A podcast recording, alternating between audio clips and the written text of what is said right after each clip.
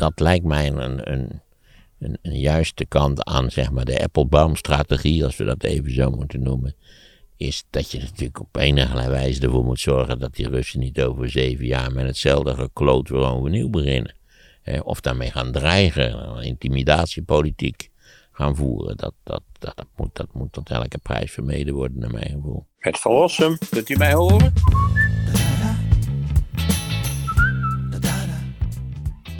Wat, wat had jij nog in de The Economist gelezen over de ehm, eh, afloop van de oorlog in Oekraïne?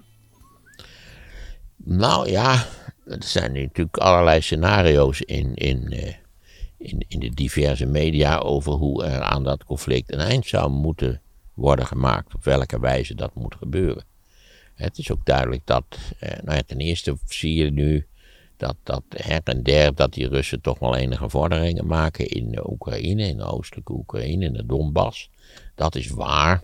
Maar als je op de kaart kijkt, moet ik zeggen, dat je moet kijken op een wat gedetailleerdere kaart van, uh, van de Donbass en op die twee uh, oplasten, zoals dat heet, die twee provincies, die ze nu eigenlijk bezig zijn te veroveren.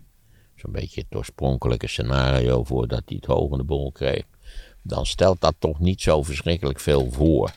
Dat is meer tactisch voordeel wat daar behaald wordt dan strategisch voordeel. Eh, maar het, is, het is, geeft wel aan dat de Russen in deze beperkte ruimte en, en eh, vanuit opererend vanuit een veel sterkere strategische positie, dat ze daar wel vorderingen maken. En dan is de vraag, eh, met welk doel doen ze dat precies? Is dat zo om tenslotte de hele Donbass plus die kust van de Zwarte Zee, om die te veroveren? Want dan staat uh, natuurlijk Poetin bij eventuele onderhandelingen. Staat Poetin vrij sterk om te zeggen: ja, dat wil ik graag houden, dat wil ik graag annexeren. De Krim is natuurlijk al geannexeerd. Daar hebben we in de tijd natuurlijk ook misschien wel te weinig eh, aandacht aan gegeven, te weinig tegen geprotesteerd. Ik had in de tijd eerlijk gezegd wel begrip voor die annexatie van de Krim vanwege Sebastopol en de zonderlinge geschiedenis die, uh, waardoor de Krim bij de Oekraïne is getrokken. Maar goed, dit, dit is 2014. Toen hadden we sowieso waarschijnlijk al scherper moeten reageren. Maar we dachten allemaal, ook verstandige mensen dachten dat je moet met die lui in gesprek blijven. Je moet met Poetin in gesprek blijven, enzovoort. Uh, en nu is de vraag, moet je eigenlijk erop stellen voor dat, dat de Russen er toch tenslotte zo'n beetje beheersen wat ze schijnen te willen beheersen. Dus die twee provinciale stukken aan de uiterste oostelijke rand van de Oekraïne. En moet je dan onderhandelen en zouden de Oekraïners dan maar toe moeten geven dat ze dat prijsgeven. Dat dat gewoon geannexeerd wordt door Rusland. Dat is eigenlijk scenario 1. Dat is het scenario wat Kissinger verdedigde bij, eh, hij zag er wel oud uit, maar hij kwam toch nog heel helder uit zijn woorden. Hij was in mijn gevoel hij was hij gekrompen tot een soort dwergachtige variant van zichzelf. Op Davos, hè, via een videoscherm. Ja, ja, ja. Hij, hij, was niet in Davos. Nee, nee, het ging via verbinding. Hij sprak uh, uit het uh, Centrum voor 100-jarigen in, uh, in Amerika. Hij werd geloof ik deze week of zo 99. Ja, wel een, precies. Maar wel nog steeds helder in het hoofd. En die zei ook van, nou ja, je moet realistisch zijn. En vroeg of laat moet je er een eind aan maken. Anders wordt er nog veel meer kapot gemaakt dan er toch al kapot gemaakt is. En zou het dan niet verstandig zijn om gewoon ervan uit te gaan dat je bereid bent om die, die twee provincies en een stuk van die Zwarte Zeekust prijs te geven? Uh, daar, mij lijkt het dat daar wel iets in zit. Ik zal zo uitleggen waarom. Zelensky overigens heeft al lang gezegd: nee, dat gaan we niet doen. Wij willen die oorlog winnen. Dat is, laten we zeggen, de andere strategie. Dat is dat stuk van en Applebaum wat nu Precies. in de kwaliteitskrant staat. Want Applebaum, die natuurlijk eh, getrouwd is met een voormalige Poolse minister van Buitenlandse Zaken. Dus die, laten we zeggen, toch wel het, het, de sentimenten kent in Oost-Europa. Die natuurlijk heel anders zijn dan bij ons. Namelijk, ja, zij hebben een, een halve eeuw hebben ze gezucht onder, onder Russische onderdrukking. Want van onderdrukking kon je, kon je rustig spreken in Oost-Europa. En haar argumentatie, die hoor je ook veel. En dat is nog steeds de argumentatie die Zelensky ook in het openbaar laat horen. Is van, we moeten die oorlog zien te winnen. Want alleen winnen, een blijvende vernedering en verzwakking van Poetin en zijn regime, kan ons garanderen dat dit niet na vijf jaar, zes jaar, zeven jaar gewoon weer gaat gebeuren. Hè? Ze weer al die auto's te parkeren, weet je wel. En dat kon, bleken ze enorm goed te kunnen parkeren. Dat zijn een van de meesterlijke strategieën van het Russische leger is parkeren. Uh, ja, dat zijn, dat, dat zijn eigenlijk de beide opties. En, en daar kunnen we wel iets over zeggen.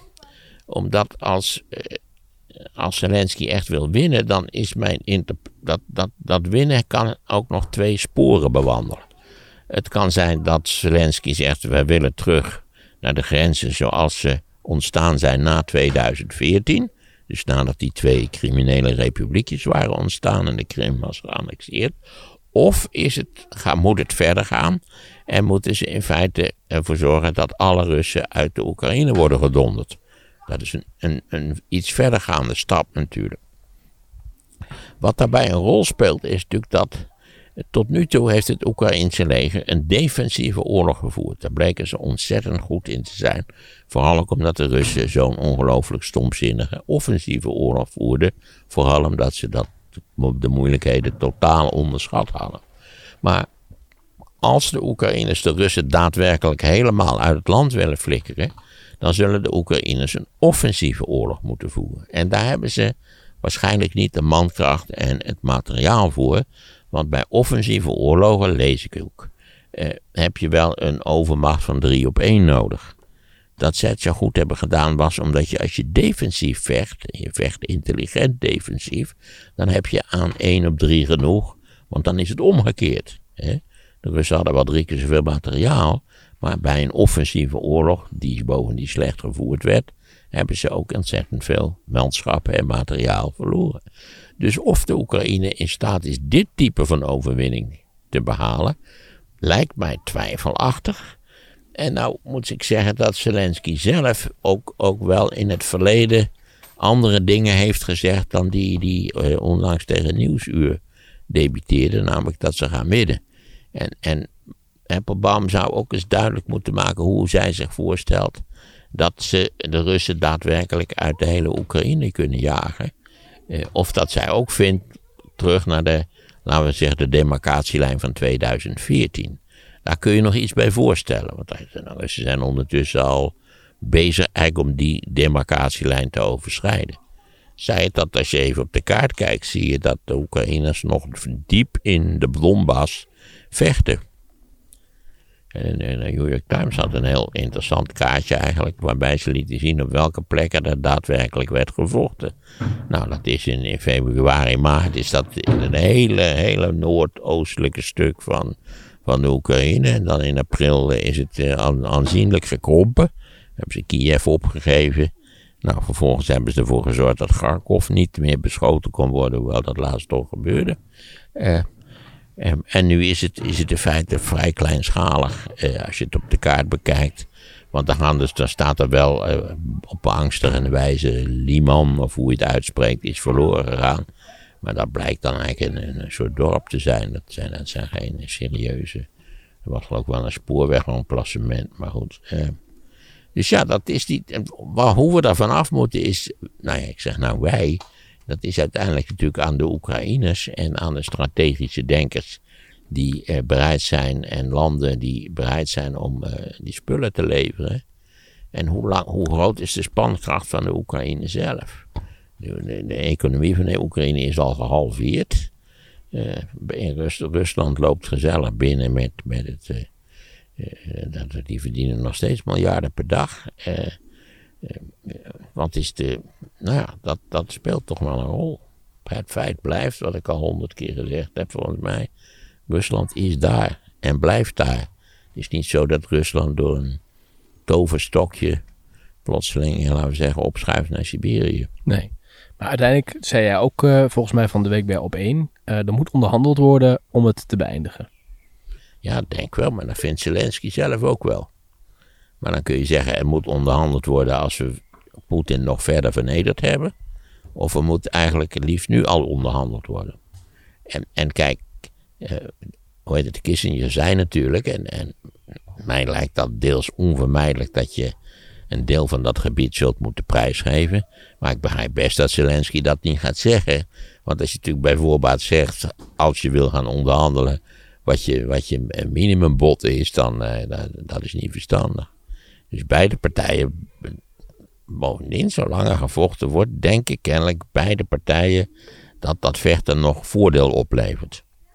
En zeker als je naar het kaartje kijkt en, als je veronderstelt wat de Russische ambities precies zijn, die, die nu in feite heel strategisch zeer beperkt zijn, dan kun je wel voorstellen dat ze in die, in die hoek daarbovenin, in de Donbass, dat ze daar nog wat winst willen boeken. Dat is, dat is wel duidelijk. En Zelensky zal natuurlijk, tot hij aan tafel zit en gaat praten, je niet van tevoren vertellen dat hij bereid is die Donbass prijs te geven. Tal van mensen hebben er natuurlijk ook op gewezen wat een waardeloos gebied de Donbass in feite is. Omdat ja, het staat vol met totaal verouderde staalindustrie en mijnen. Nou ja, de toekomst van de kolenmijnen en, en verouderde staalindustrie, die is niet glorieus. Nee. Overigens, als luisteraar denken, wat hoor ik toch op de achtergrond? Er zijn op de straat zijn er kinderen aan het voetballen. Dus Ja. eh, Dat is fijn, die zijn aan het voetballen. Worden kennelijk niet. eh, en af en toe schoppen ze de bal tegen de auto aan. ja, en tegen Groenbakken, maar dan weet je in ieder geval waar het geluid vandaan komt. Eh, Je weet, voetballen. Het balspel, dat zit zo diep geworteld in de menselijke psyche. Dat er in mijn psyche kennelijk toch iets totaal fout gelopen is. Ik heb niets met het balspel. nee. Maar er zijn ook mensen die zeggen, goed dat ze op straat spelen, want ze kunnen ook achter de iPad zitten. Ja, nee, ik ben ik juichend van harte toe. Ik hoop dat ze veel plezier hebben met de bal. Ja. Ik ben er altijd verbaasd over dat als je. Waar ook mannen samenkomen, dan blijkt er altijd iemand een bal te hebben. En dan gaan ze zo, zo, zo lummelig een balletje overtrappen of hoog houden. Of dat, ja, ik word er altijd een beetje lacherig van. Daar heb je nooit aan meegedaan. Jawel, ik heb, ik heb zeker ook wel aan in straatvoetbal. Want ja, waren, eh, hier staat de straat alweer vol met auto's. Maar mijn jeugd stond er geen enkele auto in de straat. Er waren geen auto's in de straat. Sterker nog, het was in zoverre een hele wonderlijke wereld. Dat het balspel nog niet was opgerukt naar het centrum van onze cultuur. Want met enige regelmaat fietste er een agent door de straat. En die had tot taak de bal af te pakken. Want je mocht niet voetballen op straat. Ja, van enkele maal slaagde hij daarin. Die, meestal zagen we hem al aankomen. Dus toen was je, dan verdween je in het poortje, zou ik maar zeggen. Maar de agent was er om de bal af te pakken. Oké, maar je deed dus wel mee. Je participeerde wel in dat ja, spel. ik heb de gruwelijkste en daar gericht al bal spelend. Ja, zeker. Ramen kapot geschoten. Ja, zeker. Bij de, ja, bij de dames zwemlee heb ik een bal door het raam geschoten. Die ongelukkigerwijs op het theetafeltje terecht kwam wat onder het raam stond. Waardoor het hele theeservies, dat begrijp je wel, was vernietigd. En mijn vader op moest komen draven om het theeservies te vergoeden. Je was niet de scheidsrechter bij dat spel. Nee, nee, nee. Ik weet niet, er was helemaal geen scheidsrechter. Dat was ook helemaal niet nodig. We hadden drie corners en penalty. Prima systeem. Ja, dat stelde allemaal niks voor. We kenden de spelregels ook niet precies. Nee. Je had ook pikketjes loerden. Omdat als je natuurlijk de, de buitenspelval niet gebruikt, dat je, dat je niet weet hoe die werkt, dan kun je iemand bij het, bij het vijandelijke doel zetten. En dan geef je een hoge bal en die schopt hem erin. En dat heet pikkertjes. Dat heet een pikketjesloerder, ja. Oh, oké. Grappig, dat kende ik helemaal niet. Die Nee? Nee. Nee, dat waarschijnlijk omdat eh, tegenwoordig gaat iedereen op een voetbalclub waar hij in no time de regels leert. Maar ja, daar, was er geen sprake van. Nee. Nee. Die bal stelde ook niks voor. Nee. Een echte leren bal, dat was al een wereldwonder. Nog eventjes over Poetin, hè? En we hebben het over 1953, 54 of zo. Oh ja. Ja, ja, Poetin heeft natuurlijk nu wel eh, het havengebied helemaal in handen. Zuidkust. En eh, hij kan natuurlijk nu ook bepalen... Niet het hele havengebied. Odessa natuurlijk heeft hij helemaal niet in handen. Nee. Krijgt hij waarschijnlijk ook niet in handen, maar dat blokkeert hij. Ja. Dus het, het is eigenlijk zaak om dus eh, de Russische Zwarte Zeevloot zou eigenlijk volledig vernietigd moeten worden. Dat is volgens mij ook de, een van de redenen dat Zelensky die al die, die geleide wapens wil hebben. Want daar zou hij van alles mee moeten kunnen doen. Ze hebben die kruiser wel tot zinken gebracht, maar eh, het, die, die blokkade werkt kennelijk nog steeds. Ja, Daar dus- wordt nu overigens wel over onderhandeld, hoe we dat, dat verder moet. ja, want het heeft ook met het gaan. Het gaan kan ook niet weg, hè? Dus in Afrika hebben we Nee, heel dat blijkt een gigantisch probleem. Want wie wist dat nou? Ik weet en wist het geval niet. Dat, dat met name Rusland en Oekraïne eigenlijk horen tot de grote graanexporteurs in de wereld. Tientallen miljoenen tonnen graan. Die ze zelfs dus kennelijk niet opeten. Eh, die maar verkopen op de wereldmarkt. Ja. En dat is natuurlijk niet zo makkelijk om dat 1, 2, 3 te vervangen. Nee, en, en, en precies. En, Dus ja, nee, er zijn mensen die daar Poetin het Double Express doen. Want die, die, zij roven ook het Oekraïnse graan. En dat kunnen zij dan weer zelf ex- exporteren en daar geld mee verdienen. ja. ja, op zich zit daar dus wel een strategie achter. En hij wil dus nu onderhandelen om die sancties die ze zijn, eh, hebben opgelegd Ja, gekregen. natuurlijk wil hij dat. Dat begrijp je ook wel. Gaat, gaat hij daarin slagen, denk je? Ik heb geen flauw idee. Ik zou zeggen, laat die sancties voorlopig bestaan. Ja. Eh, maak, het, hem- maak hem het leven zo zuur mogelijk. Zeker gezien het feit dat je ooit waarschijnlijk toch moet onderhandelen met hem. En, en dat, dat lijkt mij een, een, een, een juiste kant aan zeg maar, de Applebaum-strategie, als we dat even zo moeten noemen. Is dat je natuurlijk op enige wijze ervoor moet zorgen dat die Russen niet over zeven jaar met hetzelfde gekloot weer overnieuw beginnen. Eh, of daarmee gaan dreigen, intimidatiepolitiek gaan voeren. Dat, dat, dat, dat, moet, dat moet tot elke prijs vermeden worden, naar mijn gevoel. Ja. Eh, We hebben het al eerder gehad, volgens mij, over dat, dat de Oekraïne natuurlijk garanties geboden moeten worden. Dat de wereld eh, opnieuw eh, zal reageren zoals ze nu gereageerd hebben als het weer gebeurt. Ik zou ook geen enkel vertrouwen hebben in Rusland als democratische en fatsoenlijke staat. Ze zijn evident niet in staat om dat te worden om een of andere reden. Dat zouden al die Ruslandkenners, die altijd vertellen hoe ontzettend aardig al die Russen zijn die ze ooit hebben leren kennen. Sympathiek, heerlijk welkomen, dan word je daar bereid en zo. Maar ja, het probleem is dat, dat Rusland natuurlijk eh, geen enkele democratische traditie heeft. Dat het, waar we het over gehad hebben, af en toe ziet het er even wat beter uit. Dan denk je, goh, eindelijk, eindelijk wordt Rusland een normaal fatsoenlijk land. En nee, het gaat weer hartstikke fout. Hè? Neem Poetin. Ja. Vind je dat we eh, nog steeds, zijn er nog steeds achter dat we niet hebben ingegrepen daar, militair gezien? Ja, dat denk ik wel. Dat dat verstandig is. Dat je het risico gewoon niet nemen. Misschien was het risico wel klein. Maar zelfs als het 10% is. Als je risico op een nucleair treffen 10% is. Dat vind ik nogal gezien de, de, de gevolgen. Vind ik dat nogal eh, vrij groot, ja. En nu kunnen we er ook van alles aan doen. Ja. Maar kunnen we nog verder escaleren? Nou, je kunnen die geleide wapens kunnen we aan Zelensky leveren. Er zijn nog allerlei wapens die. die Maar die krijgt hij dus niet. Nou, ik begreep dat, die, dat ze daar ook wel toe bereid waren, geleidelijk aan. Ja, ja, ja maar het, Ja, ze komen niet aan. waren ook bereid om van alles en nog wat nog te leveren. Precies. Ja, we willen het wel geven, maar ze komen er niet aan omdat die blokkade dus in de Zwarte Zee er is. Nee, maar je kunt die wapens die kun je ook per spoor sturen. Per slotverrekening heeft, heeft de Oekraïne een, grens met Polen en met Hongarije en met eh, Slowakije, neem ik aan. Ja. ja, als de Russen daar niet een stokje voor steken, want ze weten natuurlijk wanneer wat nou, dat zullen ze niet doen, want dat kunnen ze niet. Het is duidelijk dat, dat Rusland ook, dat zie je ook aan de huidige gevechten en de, het, het nogal plaatselijke karakter ervan, dat ze aan de grenzen van hun mogelijkheden zitten.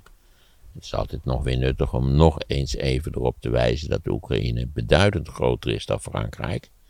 Eh, en en eh, nou, de meeste Nederlanders hebben waarschijnlijk wel een soort benul van de afmetingen van Frankrijk. Ja, Eh, en eh, dat natuurlijk in het overgrote deel van de Oekraïne niet gevochten wordt. Ja, er komt misschien wel eens zo'n raket neer, maar daar wordt niet gevochten. Het is een enorm land. Ver- Vergeleken met de Verenigde Staten, Rusland, Canada en China niet, maar vergeleken met de Europese begrippen is het een enorm land, groter dan Frankrijk. Ik eh, hoorde Boekenstein en de Wijk eh, zeggen van we, we zijn in het Westen ook wel bang om nog verder te, eh, te escaleren. Dat durven Nou, daar kan ik mij wel, een beetje, wel iets bij voorstellen. Ja, moet je dat risico nemen? Ik weet niet of ik het zou doen, eerlijk gezegd. Kijk, dat is natuurlijk een van de, eh, een van de dingen van de journalistiek. Dat je gauw op je laptop hebt ingetypt. eh, dat er een keiharde aanpak, dat slappe gelul. Er moet gewoon doorgepakt worden. Dat, hè, wat, wat ooit de Britse minister van Buitenlandse Zaken, Owen de laptop bombardiers noemde. En daar zit wel wat in. Als je geen verantwoordelijkheid draagt, hoe makkelijker niet waar is het dan niet om te zeggen dat het heel anders moet. Dat je best een risicootje kunt lopen. Dat, hè, niet zeuren jongens, kom op. Ja, achter de laptop kan alles. Ik dacht dat je het voorbeeld van Opstelten weer ging noemen. Misschien is het een idee om Opstelten die kant op te sturen. Keiharde aanpak. Keiharde aanpak. Ja, dat is toch eigenlijk het noodlot van die kabinetten Rutte geweest tot nu toe. Dat eigenlijk de problemen die ze zelf gecreëerd hebben, die weten ze niet op te lossen. Nee. Dat is altijd een slecht teken in de politiek. Wel goed nieuws weer bij de PvdA vandaan. Hè? Dat ze in de Eerste Kamer met GroenLinks eh, willen gaan samenwerken. Ik ben een warme supporter van samenwerking, moet Ja. ik je zeggen. Wat daartegen is, heb ik nooit begrepen. Trouwens, ik zou ook graag zien dat de SP daar ook bij betrokken wordt. Ja, die worden toch verscheurd door allerlei wonderlijke ideologische twisten. Dus dan zijn ze misschien ook bevrijd van al die Marxisten, die ik weet niet precies wat die voor intenties hebben.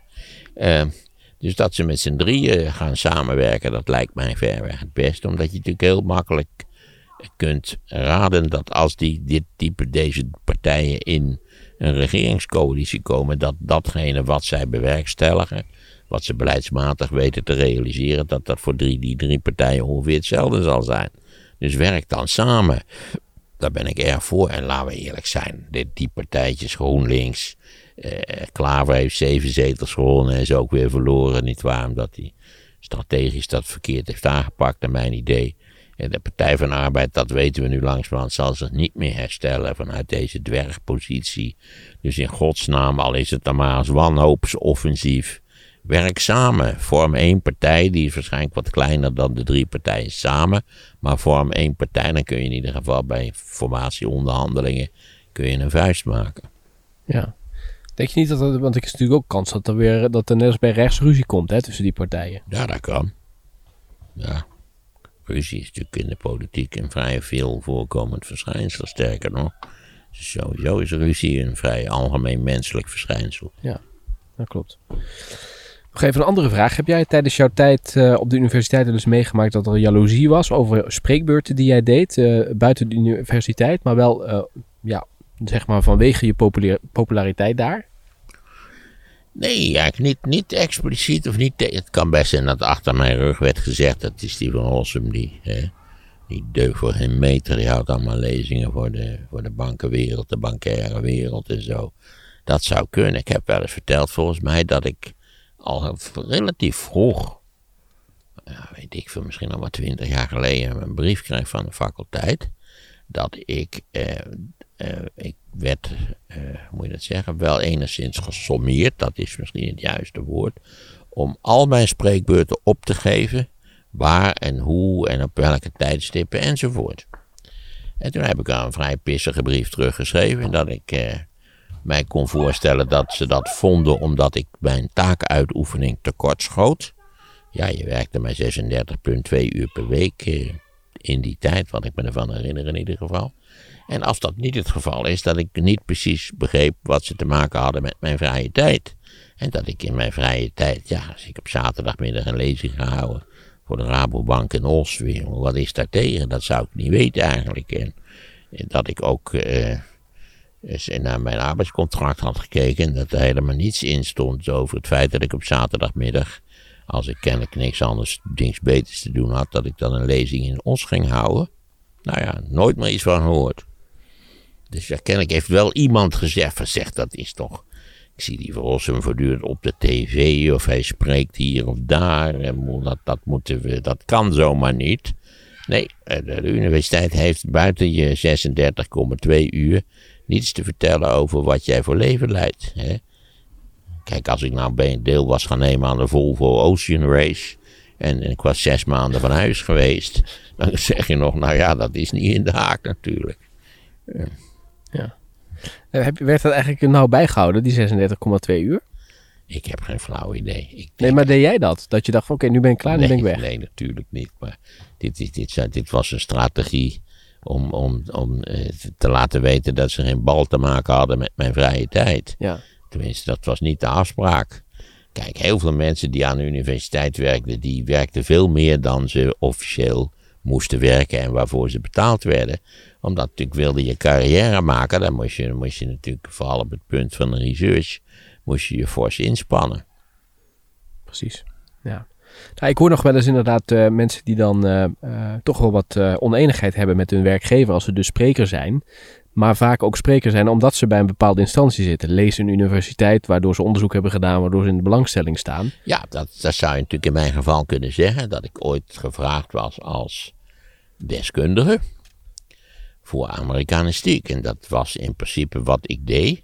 Tot op moment de hele Amerikanistiek, althans voor mij, werd afgesloten. Omdat de afdeling chef die besloot uh, er cultuurgeschiedenis van te maken. En toen een goed moment is iemand anders die Amerikanistiek gaan doen. Maar ja, toen was ik al een, een, een Amerika-deskundige geworden. Ja. Nou ja, nu zijn er ook tegenwoordig zijn er 12.749 Amerika-deskundigen. Maar eh, dat was toen een heel beperkt gezelschap. Ja. Raymond Mens moet ik nu aan, ineens aan denken. Die is ook Amerika-deskundige. Ja. Die had nog een bericht gestuurd. Ik weet even niet meer waar dat over ging. Weet jij dat nog? En ik heb het jou wel doorgestuurd. Ja, dat herinner ik me ook dat dat er was. Maar ik weet ook niet meer wat de inhoud van het bericht Ik ga het even opzoeken. Hij stuurde mij dat. Hij zit trouwens vaak bij VI ook aan tafel. Als, uh, om, te, om te praten over Amerika en over ik Biden. Ik gun het hem van harte. Hij doet het leuk, toch? Ja, nee, hij doet hartstikke leuk. Het is een beetje een nieuwe generatie. Even kijken, wat stuurt hier? Oh ja, de Republikeinen en daarmee ook Trump hebben nu de wind in de zeilen. En volgens mij komt dat doordat de Democraten zich politiek laten ringeloren. Dat zegt uh, Raymond dus. Kijk bijvoorbeeld naar de reactie van uh, uh, senator Elizabeth Warren op de uitgelekte abortusuitspraak van het Hoge Rechtshof. Ze klaagt dat de Republikeinen hier al 40 jaar aan werken. Ik denk dan, wat heb jij dan gedaan om dit te voorkomen? Haar krokodillentranen leggen mijns inziens een enorme naïviteit bloot. Mijn vraag aan Maarten is, deelt hij deze analyse? Nee, niet helemaal. Oké. Okay. Dat, zij zijn erin geslaagd langs, de Republikeinen zijn erin geslaagd om langs slinkse weg, anders valt het niet te noemen. Het is een schandalige strategie geweest die inderdaad natuurlijk al heel lang draait. Eh, om een hele ruime meerderheid, zeer conservatieve meerderheid in het Hoge Rechtshof te krijgen. Dat is de enige reden dat de, de, abortus eh, van een federale eh, recht eh, verandert. En, en verandert in een statelijk recht. En dat betekent dat in een reeks van staten waar de Republikeinen de meerderheid hebben, niet waar, zal de abortus, het abortusrecht worden afgeschaft. Ja, daar, daar kan uh, Elizabeth Warren bar, bar weinig aan doen. En heeft, ze heeft groot gelijk als ze zegt, ja, daar werken ze inderdaad al tientallen jaren aan, aan Roe versus Wade. Hmm. Is, is, daar wordt, daar wordt, is altijd verzet tegen gebleven. Bij ons is abortus totaal geen, geen issue. Nee. Maar dat is in Amerika altijd een, een hot issue gebleven. Ja. En, en dus de schandalige manier waarop met name natuurlijk de Republikeinen een meerderheid in het Hoge Rechtshof hebben weten te verwerven, ligt ten grondslag aan het feit dat Roe versus Wade getorpedeerd kan worden. Hm. Maar de, dat de democraten naïef zijn, daar zit toch wel iets in wat hij zegt? Nou, dat vind ik niet. Nee? Waar ze, waar ze naïef in zijn geweest en waar ze de, grote fouten hebben gemaakt. En dat geldt eigenlijk voor vrijwel alle min of meer linkse partijen. Is dat ze veel te lang, niet waar, eh, gecollaboreerd hebben met het neoliberalisme. Dat is in, in uh, West-Europa precies zo gebeurd. Hè. Ook over de Paarse Coalitie bestaat ook een boek, dat hadden we nooit moeten doen. En, en we zijn natuurlijk ook in de nieuwe eeuw, zijn we, is de Partij van, nou ja, de Partij van Arbeid en Rutte 2. Was dat naïef? Ja, in zekere zin wel, maar je bent ook tegelijkertijd een, een, een, een hoe moet je dat zeggen, een slachtoffer van de tijdgeest. Daar zal het meer mee te maken hebben. Maar, maar het abortusvraagstuk is in Amerika altijd blijven leven als een hot button vraagstuk. Als ja. iets waar mensen zich enorm over opwinden.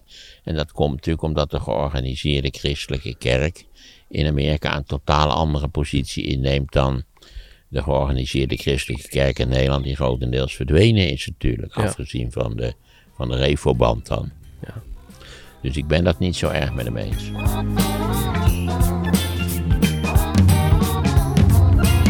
Ik gun het hem van harte.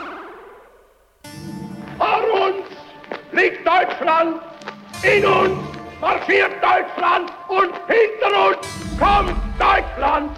Maarten van Rossum over Hitler. De Joden streefden naar een eigen wereldheerschappij. Ze waren dus een parasitair ras, wat in feite die vitaliteit van het volk, in dit geval het Duitse volk, wezenlijk bedreigde. Download het luisterboek via de link in de beschrijving.